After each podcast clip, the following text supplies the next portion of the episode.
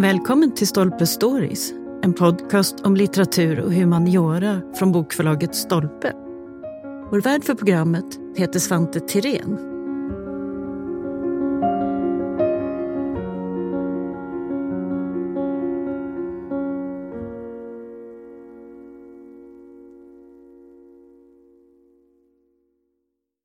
Perioden från första världskrigets slut fram till Stockholmsutställningen 1930 brukar kallas för Swedish Grace.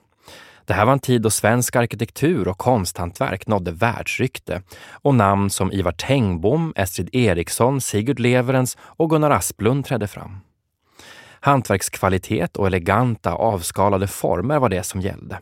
Och än idag så är det här en av de mest hyllade epokerna i svensk konst och arkitekturhistoria.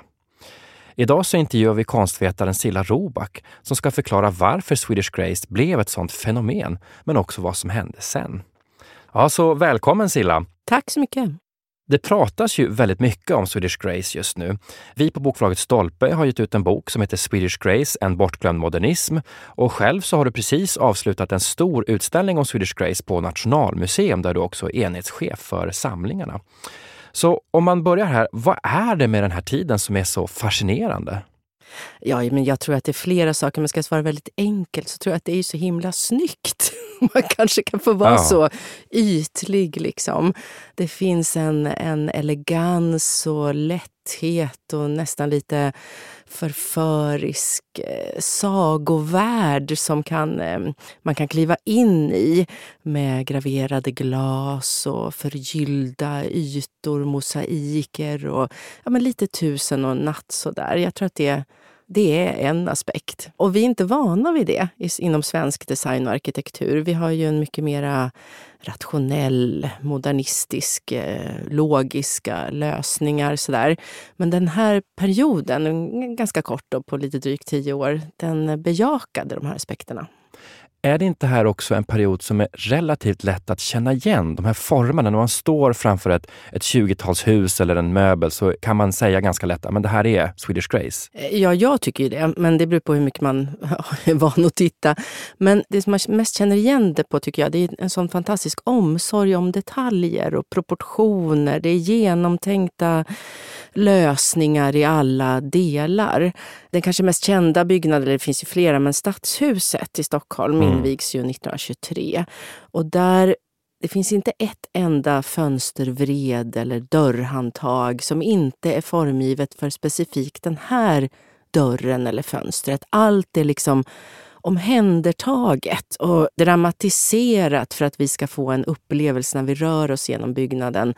Från stora ljusa rumsligheter till lite mörkare, trängre korridorer och sådär. Alltså det, det är en, någon har tänkt i förväg på vad vi ska uppleva. Och det tycker jag är väldigt karaktäristiskt för den här tiden. Och det försvann ju sen. Mm. Och det är väl lite samma, jag tänker på Konserthuset i Stockholm, oh ja. Ivar Tengbom, oh ja. eh, Stadsbiblioteket, oh ja. Gunnar Asplund. Det är den här genomgående omsorgen som mm. du säger. Och lite, ja, men som det, det är regisserat som en totalupplevelse. Ja, och, och, det kanske man inte tänker på när man kliver in. Om vi tar Stadsbibblan då, som är fri entré och allting, vem som helst kan gå in i om man är i Stockholm. Så går man in genom en, en portal som är väldigt hög och, och, lite smal. Och så kommer man in i en mörk trapphus och så kliver man upp för en, en, en, några trappsteg och sen kommer man in i ett stort dagsljusfyllda, den här rotundan med jättehögt i tak och jättemycket luft och rumsvolym. Och även om man inte tänker på det så tror jag att man känner det när man går igenom.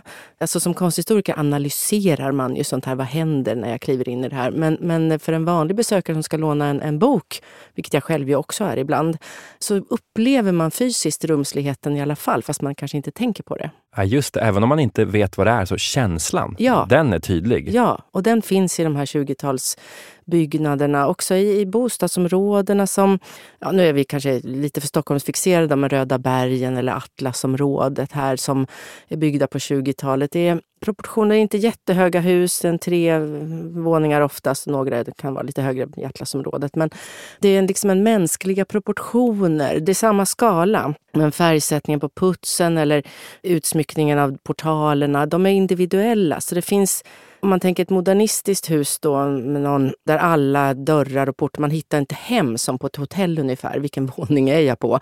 Så är det här raka motsatsen. Att, att man tänker som är man ett barn, så här, ja men du bor där vi har den här eh, dekoren med, med solarna ungefär. Liksom, då hittar du hem.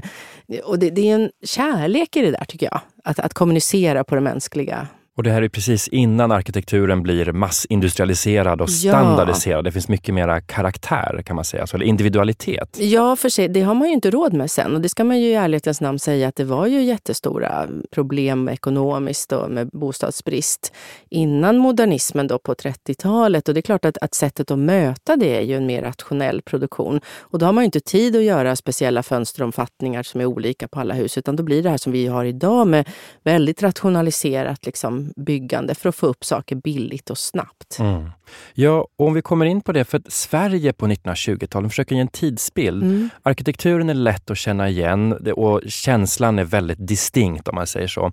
Men är Sverige på den här tiden, speglar det ett modernt eller gammaldags Sverige? Var är vi någonstans här mellan krigen i en stor förändringsfas? Men det är ju det som är så spännande tycker jag. det här är ju, vi kommer alltså ut från första världskriget som ju Sverige inte har varit med i officiellt. Och där har man också varit med om en pandemi, spanska sjukan, då väldigt många unga människor dog. Alltså hela framtidens generation. Det måste ju varit en, enorm liksom, apokalyptisk känsla i samhället. Men sen när den där är över så kommer man ju fram till, alla är ju ense någonstans om att, alltså alla, politiker, författare, arkitekter, reformister, sådana personer. De är ense om att vi måste bygga ett nytt samhälle. Vi har klivit in i en ny modern tid, industrialismen har verkligen tagit fart, människorna flyttar till städerna. Ett nytt samhälle ska vi skapa. Men sen blir de ju direkt oense om hur ska det här gestaltas? Och då finns ju den ena sidan som vi idag kallar Swedish Grace, som vill bygga på traditionen, på hantverkstekniker, värna om eh, lite mer exklusiva, dyrbara material och den här individualiteten och därigenom bygga liksom någon svensk modernitet. Men och sen på andra sidan så står det modernisterna som vill bejaka industritekniken och massproduktionen och det ekonomiska perspektivet förstås. Alltså massproducerar vi tallrikar så blir de ju billigare att köpa för, för många människor. Och modernisterna vinner ju den här striden som är ganska hård under 20-talet. De är, de är ganska rakt pang på outspoken och arga på varann. Men modernisterna vinner och det är de som skriver historien. Just det, det viktigt att komma ihåg. Ja, ja. så det gör ju att eh, Swedish Grace, 20-talets elegans som ju inte alls passar i den här modernistiska ideologin, den har man ju negligerat ganska länge inom svensk historieskrivning, både på arkitekturen och inte minst inom design och konsthantverksområdet. Då. Så att på ytan är det ju här en tid man tänker på de här ett harmoniskt genomarbetade husen och så vidare. Men egentligen är det en, en tid som kokar av, av konflikt och, De är och jättearga. Ja. ja. Och det är ju inte så svårt kanske att förstå. Alltså vi, vi står, man är i en tid, men säg som idag då. Eh, eh, vad har vi idag? Vi har jättestort energiproblem då. Ska vi ha kärnkraft eller inte? Ska vi ha, bygga på vindkraft eller inte? Och förnybar energi och fossilfri energi och allt det här som vi idag har jättestor debatt om. Och det är klart att det här är lite samma sak, fast då, då handlar det kanske mer om, om samhällsbygget och gestaltandet. Och 1928 så började ju Per Albin Hansson, som är Socialdemokraternas ordförande tala om folkhemmet mm. som en idé. Och det är ju förvisso ett samhällsbegrepp som ju innebär att staten ska bli som det, det liksom trygga, goda hemmet och ta hand om sina medborgare. Men hemmet i sig blir också väldigt, väldigt viktig yta för att fostra sina medborgare till moderna, civiliserade personer. Så byggandet av hem överhuvudtaget, lösa bostadsproblemen är en jätteviktig del. Så om vi tänker att dagens energikris var dåtidens bostadskris och så finns det massa olika idéer om hur ska vi lösa det här. Och vi tar då Swedish Grace-lägret då. Var det bara glamour och elegans eller fanns det demokratiska idéer även där? Nej, men det, är inte, ja, det blir ju glamour och elegans, det håller jag helt med om. Men det är inte målet. Utan målet, vill, skulle jag vilja hävda, är... Alltså Carl Malmsten som är en av de stora företrädarna, han pratar om att skapa, man ska skapa en nationell särart. Och det här är ju en tid av nationalistiska vågor och tendenser. Det är ju, 20-talet är ju när Hitler liksom, det börjar röra sig i Tyskland och sådär. Så att visst, nationalismen växer. Men jag vill hävda att eh, Swedish Grace-rörelsen, de är inte nationalistiska. För att i min värld, så, om jag är nationalistisk, då, då vill jag upp, min nation ska upp på din nations bekostnad. Någon annan ska tryckas ner samtidigt. Men att skapa en nationell särart handlar mycket mer om att, att en stolthet för det svenska. Och vad, vad, har vi då i Sverige som vi liksom vill lyfta fram? Ja, då har vi olika hantverkstraditioner och skicklighet och ja, ett, ett formspråk. Sen väljer man att hitta inspiration till det här, märkligt nog får man ändå säga, långt bort i antiken, Kina, Sydamerika, alltså det man då tycker är exotiska kulturer. Det är verkligen den vita mannens tid, den vita europeiska mannens tid. Med den blicken som man ser på det andra som något exotiskt. Och så kan man liksom plocka ja, något, något kapitel från antiken här och något litet lejon från Kina där och så sätter man ihop det till något svenskt. Det är tolkningen som är det svenska. Men den är inte nationalistisk, eh, utan det är liksom en stolthet. Och det är klart att den inte är demokratisk heller i det att vi försöker göra så billiga grejer som möjligt så att så många som möjligt ska kunna köpa dem. För det är inte målet, utan det, det målet är ju kanske att eh, jag inspirera då eller visa på kvalitet och i ärlighetens namn, skulle jag vilja hävda, idag när vi har eh, pratat om hållbar utveckling och sådär. Alltså stadshuset, det står där, det är hundra år sedan nästa år som det byggdes. Det, det är en fantastisk kvalitet visuellt och, och, och tekniskt fortfarande. Lämnar vi någon sån byggnad efter oss idag som om hundra år kommer beundras och människor kommer komma från andra länder för att, för att besöka den här byggnaden? Jag är tveksam till det. Det här kan man verkligen undra. Finns det ett lite drömmande drag i det här? Ja, det tycker jag att det gör. För man är ju fascinerad av den här exotismen. Liksom.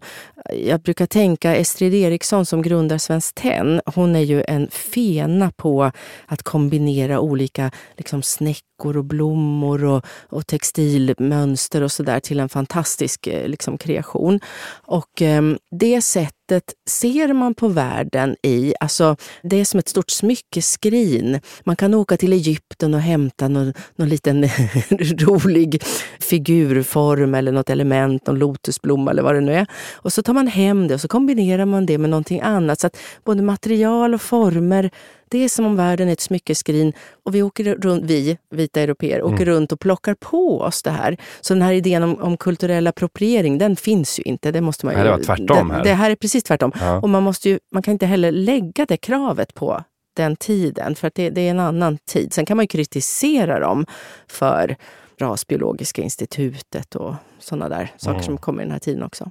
Ja, och här tänker man också därför att på ytan så är det ju en väldigt enhetlig stil. Vi pratade tidigare om att den är ganska lätt att känna igen. Mm. Men som du säger, det är alltså både Kina och det är antiken och det är till och med Sydamerika. Mm. Hela världen är mm. öppen här. Men om man tar till exempel det här klassicistiska arvet, för det är väl också någonting som blir en stridsfråga senare, hur, hur de här tempelformerna, är de eviga eller inte och så vidare. vad är klassicismens roll i, i allt det här? Mm. Jag tycker att det är en jätteintressant fråga, för det är liksom flera, man måste bena upp det lite grann. Om man tänker den klassiska klassiska antiken, det är det äkta så att säga, äkta varan.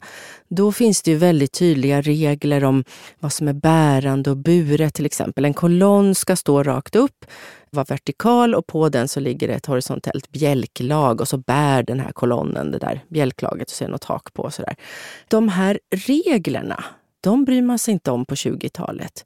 Utan de kan man lösa upp. Utan det är mer en idé om antiken. Det är den här lite romantiska, eh, alltså den svenska tolkningen av, av antiken. Så tittar man till exempel på vi tar Konserthuset som jag tror många känner igen. De kolonnerna som Ivar Tengbom har ritat där på, mot Hötorget på huvudfasaden, de är ju så att säga, alldeles för många, alldeles för långa och står alldeles för tätt för den här byggnaden. De, de skulle inte en antik arkitekt ha accepterat. De skulle tyckt det såg förfärligt ut och bröt mot liksom, idén om proportioner.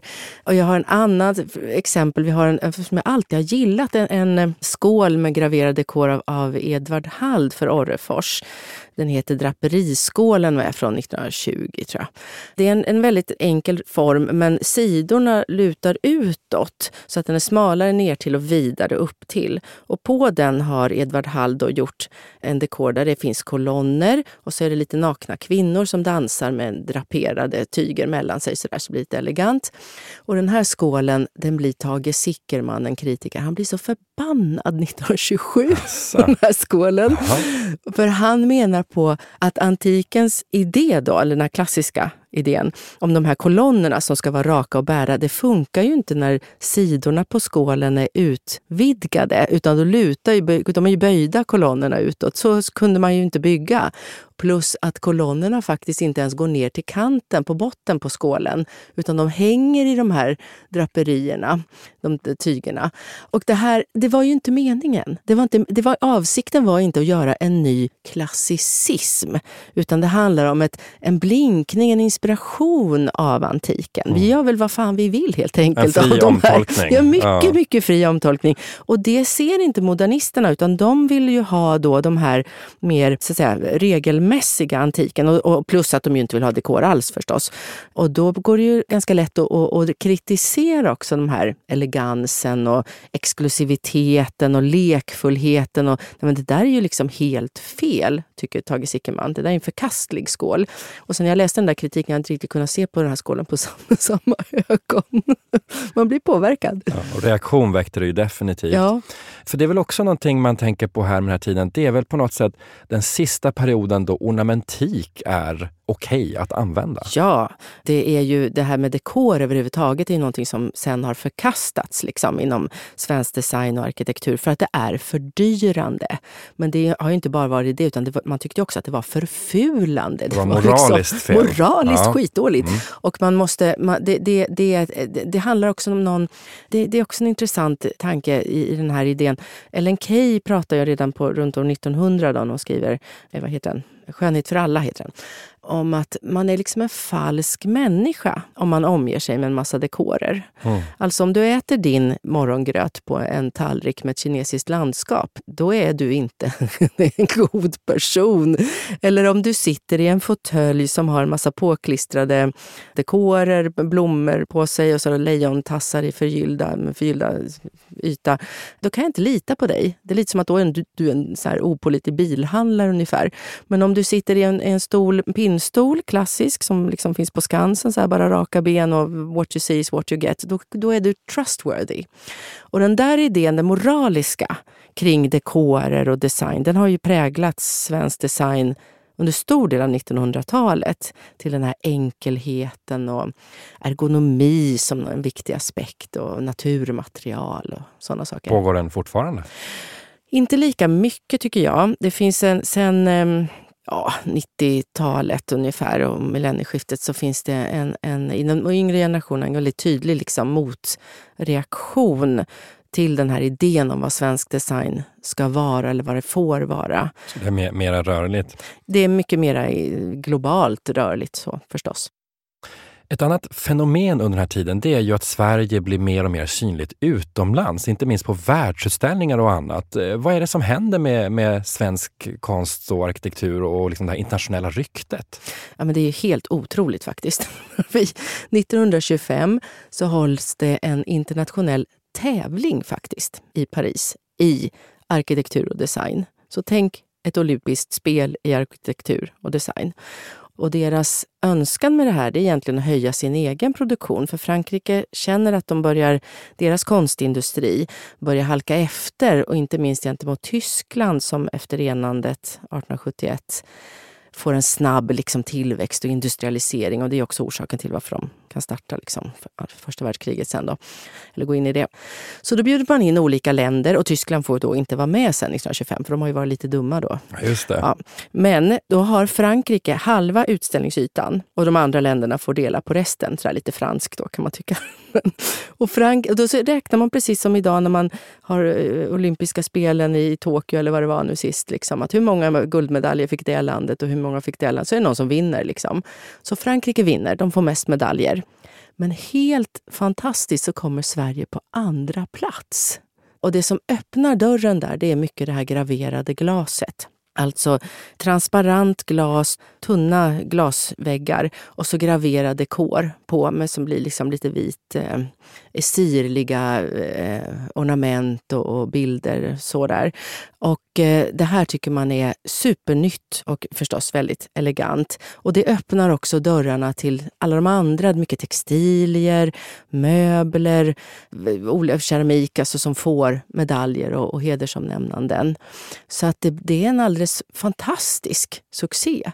Men det var alltså flera saker som verkligen blev braksuccé, men det var glaset som kanske allra mest... Eh... Ja, det är det som öppnar dörrarna, så att säga, som man tycker är det mest nyskapande. Men sen följer liksom det andra med. För det var väldigt hög kvalitet på det vi, vi är välgjort, det är väl formgivet. Och Karl Hörvik gör ett skåp till exempel som har en välvd insida. Så när man öppnar dörrarna så är det liksom runt på insidan. Och det är då förgyllt med bladguld, väggarna på insidan. Och där i så stod det graverade glas. Enormt elegant. man liksom, det är inte bara att man ställer upp lite graverade glas utan också hela skåpet och om, omsorgen om presentationen. Precis som byggnaden, att även en möbel eller ett föremål eller liksom regisserat nere ja. i ja, ja, så den här och... dramaturgin, liksom, hur vi ska uppleva saker. De, var väldigt, de var väldigt skickliga och väldigt framgångsrika i det. Och det kändes nytt och modernt. För den här tävlingen gick också ut på att man skulle presentera någonting nytt. Man skulle inte komma med gamla, gammal skåpmat då, utan nya grejer.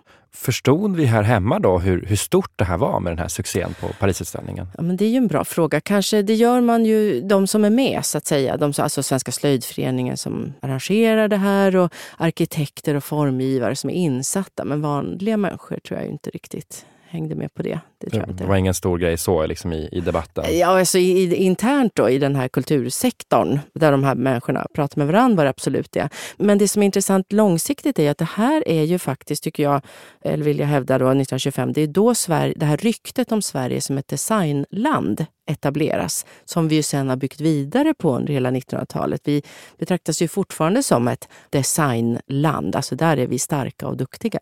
Mm, och där har vi fröet till det.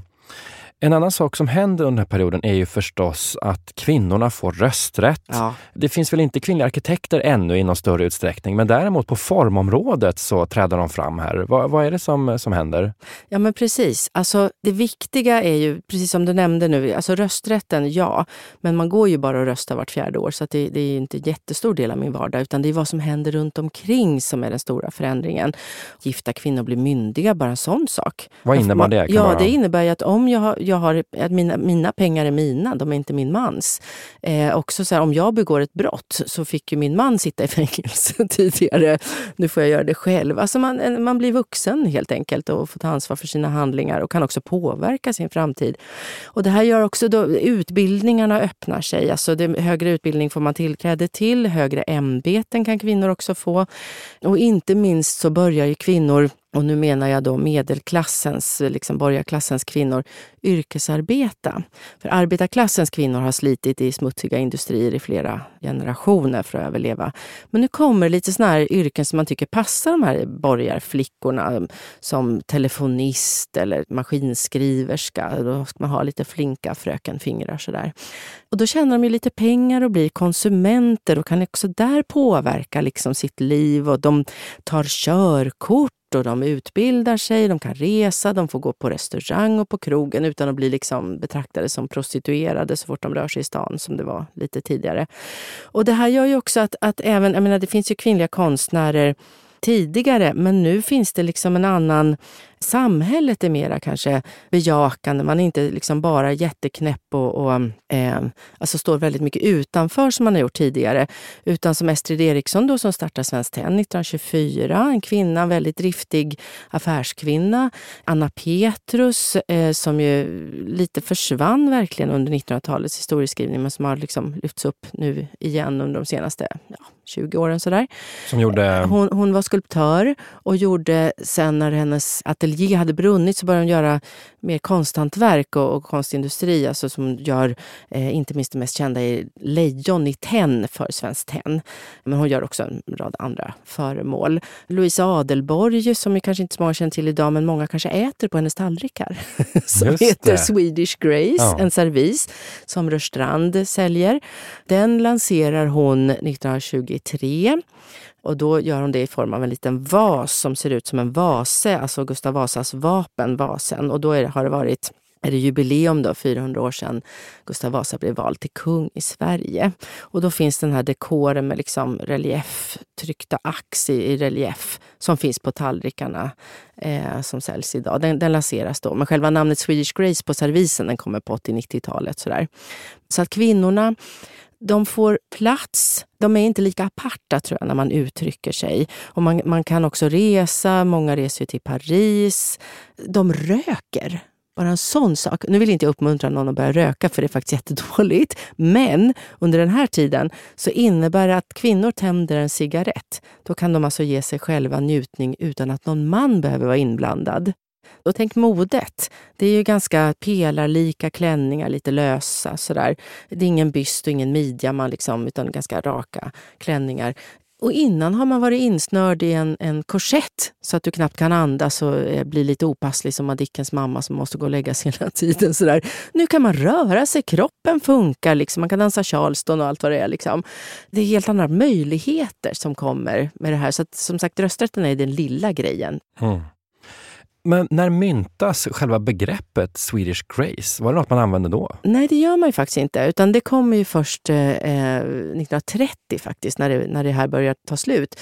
Då en engelsk arkitekturkritiker som heter Morton Shand besöker Stockholmsutställningen som är modernismens stora genombrott i Sverige. Och så konstaterar han lite fritt översatt av mig sådär ungefär att jaha, nu har svenskarna lämnat sitt 20-tal Swedish Grace och börjat omfamna den internationella modernismen ungefär. Men begreppet passar ju så väl den här tiden. Hela 20-talet internationellt handlar ju mycket om art déco, alltså, eller art deco som Mm. man säger i USA. Det är också där en liksom elegans och eh, mycket dekorer och mycket mm, eh, materialitet och ganska mycket tyngd. Men den internationella är kanske lite mer svulstig än den svenska som faktiskt är lite elegantare. Så det här gras i Swedish Grace, det, det, det är någonting som faktiskt utmärker oss i den här tiden. Så det finns liksom en, en eh, jag tycker att det, det, är en ganska, det sticker ut även i en internationell jämförelse. Så det är ett ganska bra begrepp kanske Det är ett också? Utmärkt begrepp. Ja. Ödesåret höll jag på att säga, 1930. Det är ju då som Stockholmsutställningen arrangeras och det är då den internationella modernismen får det här stora genomslaget och det blir sen då den svenska funkisen. Men innebär det här ett tvärt slut för Swedish Grace eller är det mycket mer en, en gradvis eh, process? Nej, det är inget, inget tvärt slut, utan det är en pågående process. Men egentligen eh, redan 1925 när, när vi faktiskt, det är lite typiskt svensk, vi gör en, en jättesuccé men på hemmaplan börjar vi direkt liksom kritisera oss själva.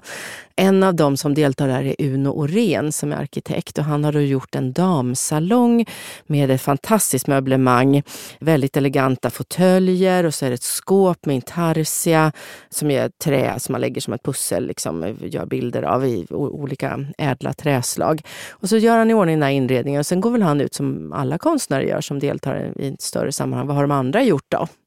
Och så möter han, han får sitt livs chock när han ser Le Corbusiers modernistiska paviljong L'Esprit Nouveau som är sån där platt tak och släta vita väggar och stora fönster i band och sådär. Och så skriver han en artikel när han kommer hem som heter Brytningar där han skriver ungefär prydnadsdekor på varje millimeter av tillvaron. Hur outsägligt äckligt bleve icke det? Och det är ju faktiskt vad han själv precis har gjort på det här skåpet han, han har presenterat. Det är verkligen dekor på varje millimeter. Och det här, det här hans liksom omvändelse till modernist, så att säga, han blir också en av de stora debattörerna efter 1925. Det påverkar väldigt mycket utveckling. Alltså egentligen ska det, där, det är redan där det börjar liksom bränna till. Och efter det så får Swedish Grace-företrädarna allt mindre utrymme i till exempel tidskriften Form, som är det stora liksom, viktiga debattorganet. Då. Så att 1930 har egentligen redan det mesta så att säga sopats bort ideologiskt. Men 32 ungefär skulle jag säga att det tar slut. Mm. När, när Kryger-kraschen kommer och verkligen ekonomin liksom går ner med lågkonjunktur. Han hittas ju skjuten på ett hotellrum i Paris 1932. Den här tändstickskungen och finansmannen. Och det utlyser ju den svenska liksom, börskrisen och då, då är det ju svårt att då är det slut på lyx och överflöd? Ja, det är lite svårt, slut på partyt då. Ja. Mm. Okej, okay, men det är intressant också att egentligen börjar 1930 redan 1925 kan man säga på ett sätt. Ideologiskt tycker jag det. Ja. Mm. Jag tänker på, man pratar ibland om att för, för ljudfilmen kommer ju också precis runt 1930 och då är det så här, vissa skådisar klarar den här övergången galant, för andra går det käpprätt åt skogen. Mm. Hur är det för arkitekter och konstnärer? Klarar alla skiftet eller är det några Nej. som liksom faller ur? Ja, absolut. Och de som faller ur är ju de också som skrivs ut ur historien lite grann. Så, så Anna Petrus som är en av konstnärerna som liksom nyupptäckts kan man väl säga de senaste 20 åren och hennes föremål säljs för enormt höga priser idag på auktioner. En annan är ju Axel Einar Hjort som var chefsarkitekt på NKs möbelavdelning och väldigt framgångsrik och ritade mycket. Men som hade den här liksom, gärna lite exklusiva fanerer och ja, men fina liksom, omsorg i material och, och i dekorer och på benes, på skåp och allt möjligt. Han gör några stålrörs liksom, möbler, men det blir ju inte riktigt, inte hans grej. Liksom. Han, det känns att han tar i lite grann. Och han kan inte komma över och liksom bli tillfreds med med den nya tiden och försvinner ur historieskrivningen. så att säga. Glaskonstnärerna Hald och Gate de klarar av att gå vidare. De, de, de eh, omfamnar sen mycket mer liksom massans tyngd på ett lite mer modernistiskt sätt än de här dekorerna då på tunna glasytor. Och även keramiskt, Wilhelm Kåge, han är väldigt bred hela tiden. Han kan, han kan ha många strängar på sin lyra liksom och kan göra allt möjligt. Så att det är lite olika hur det går för dem. Mm. Du gjorde ju den här utställningen då på Nationalmuseum där vi såg otroligt många fina saker ur samlingarna. Men där sågs man ju också av hur olika, alltså hur många olika rörelser som ryms inom det här. Kan du berätta lite, vad var det som ni visade där på utställningen? Alltså utgångspunkten till varför vi gjorde den här utställningen nu är för att vi faktiskt har jobbat väldigt målmedvetet under kanske 20 år med att förvärva föremål från 20-talet som vi har saknat i samlingarna. Vi hade en hel del fina grejer. Men vi saknade också vissa märkesföremål. Och eh, det beror ju på att det var ju de här modernisterna som vann, som jag sa. Och de eh, jobbade ju också på Nationalmuseum och tyckte inte det här var viktiga grejer att, att köpa in till samlingar och sådär. Så det har ju vi liksom jobbat aktivt med. Så det gör ju att vi, vi har nu en väldigt fin samling och det innefattar ju alla möjliga material. Det är möbler, gjutjärn som var en viktig del i, eh, och ny tid, under den här tiden, tenn, textilier förstås och keramik och, och silver och sådär. Mm. Det tillverkas ju fortfarande vissa klassiker från den här tiden. Vissa serviser, gjutjärnsmöbel, annars tar väl upp i nyproduktion. Hur märker man av arvet efter Swedish Grace idag, tycker du? Allting går ju i vågor naturligtvis, men vi har ju haft en, en period nu tidigare av mycket det här ljust och fräscht, liksom, enkelhet, ny minimalismen eller vad man ska kalla det. Då.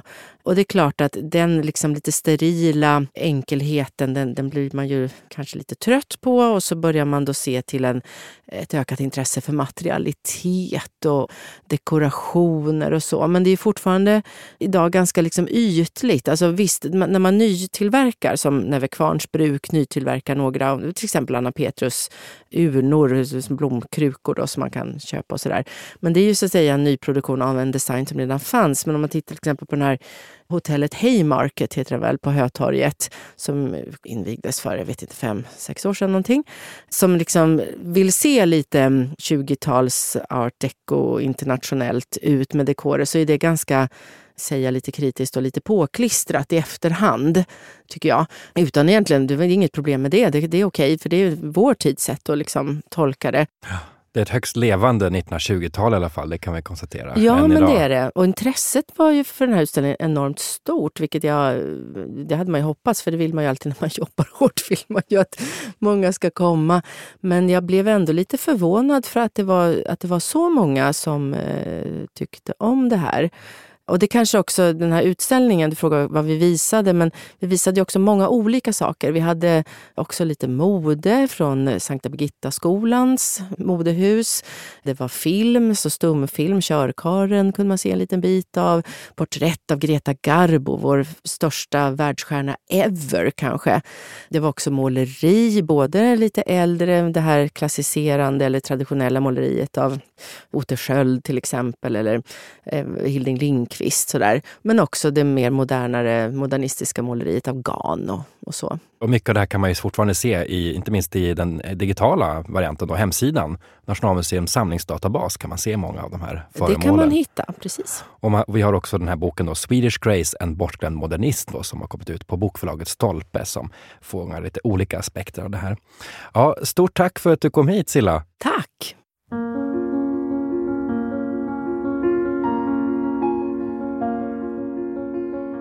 Tack för att du har lyssnat på Stolpe Stories. Missa inte att du som lyssnar har 20% rabatt på bokförlaget Stolpes titlar hos Bokus.com. Aktivera rabatten genom att ange koden STOLPE20. Och för att lyssna på fler avsnitt, följ oss där poddar finns och på sociala medier.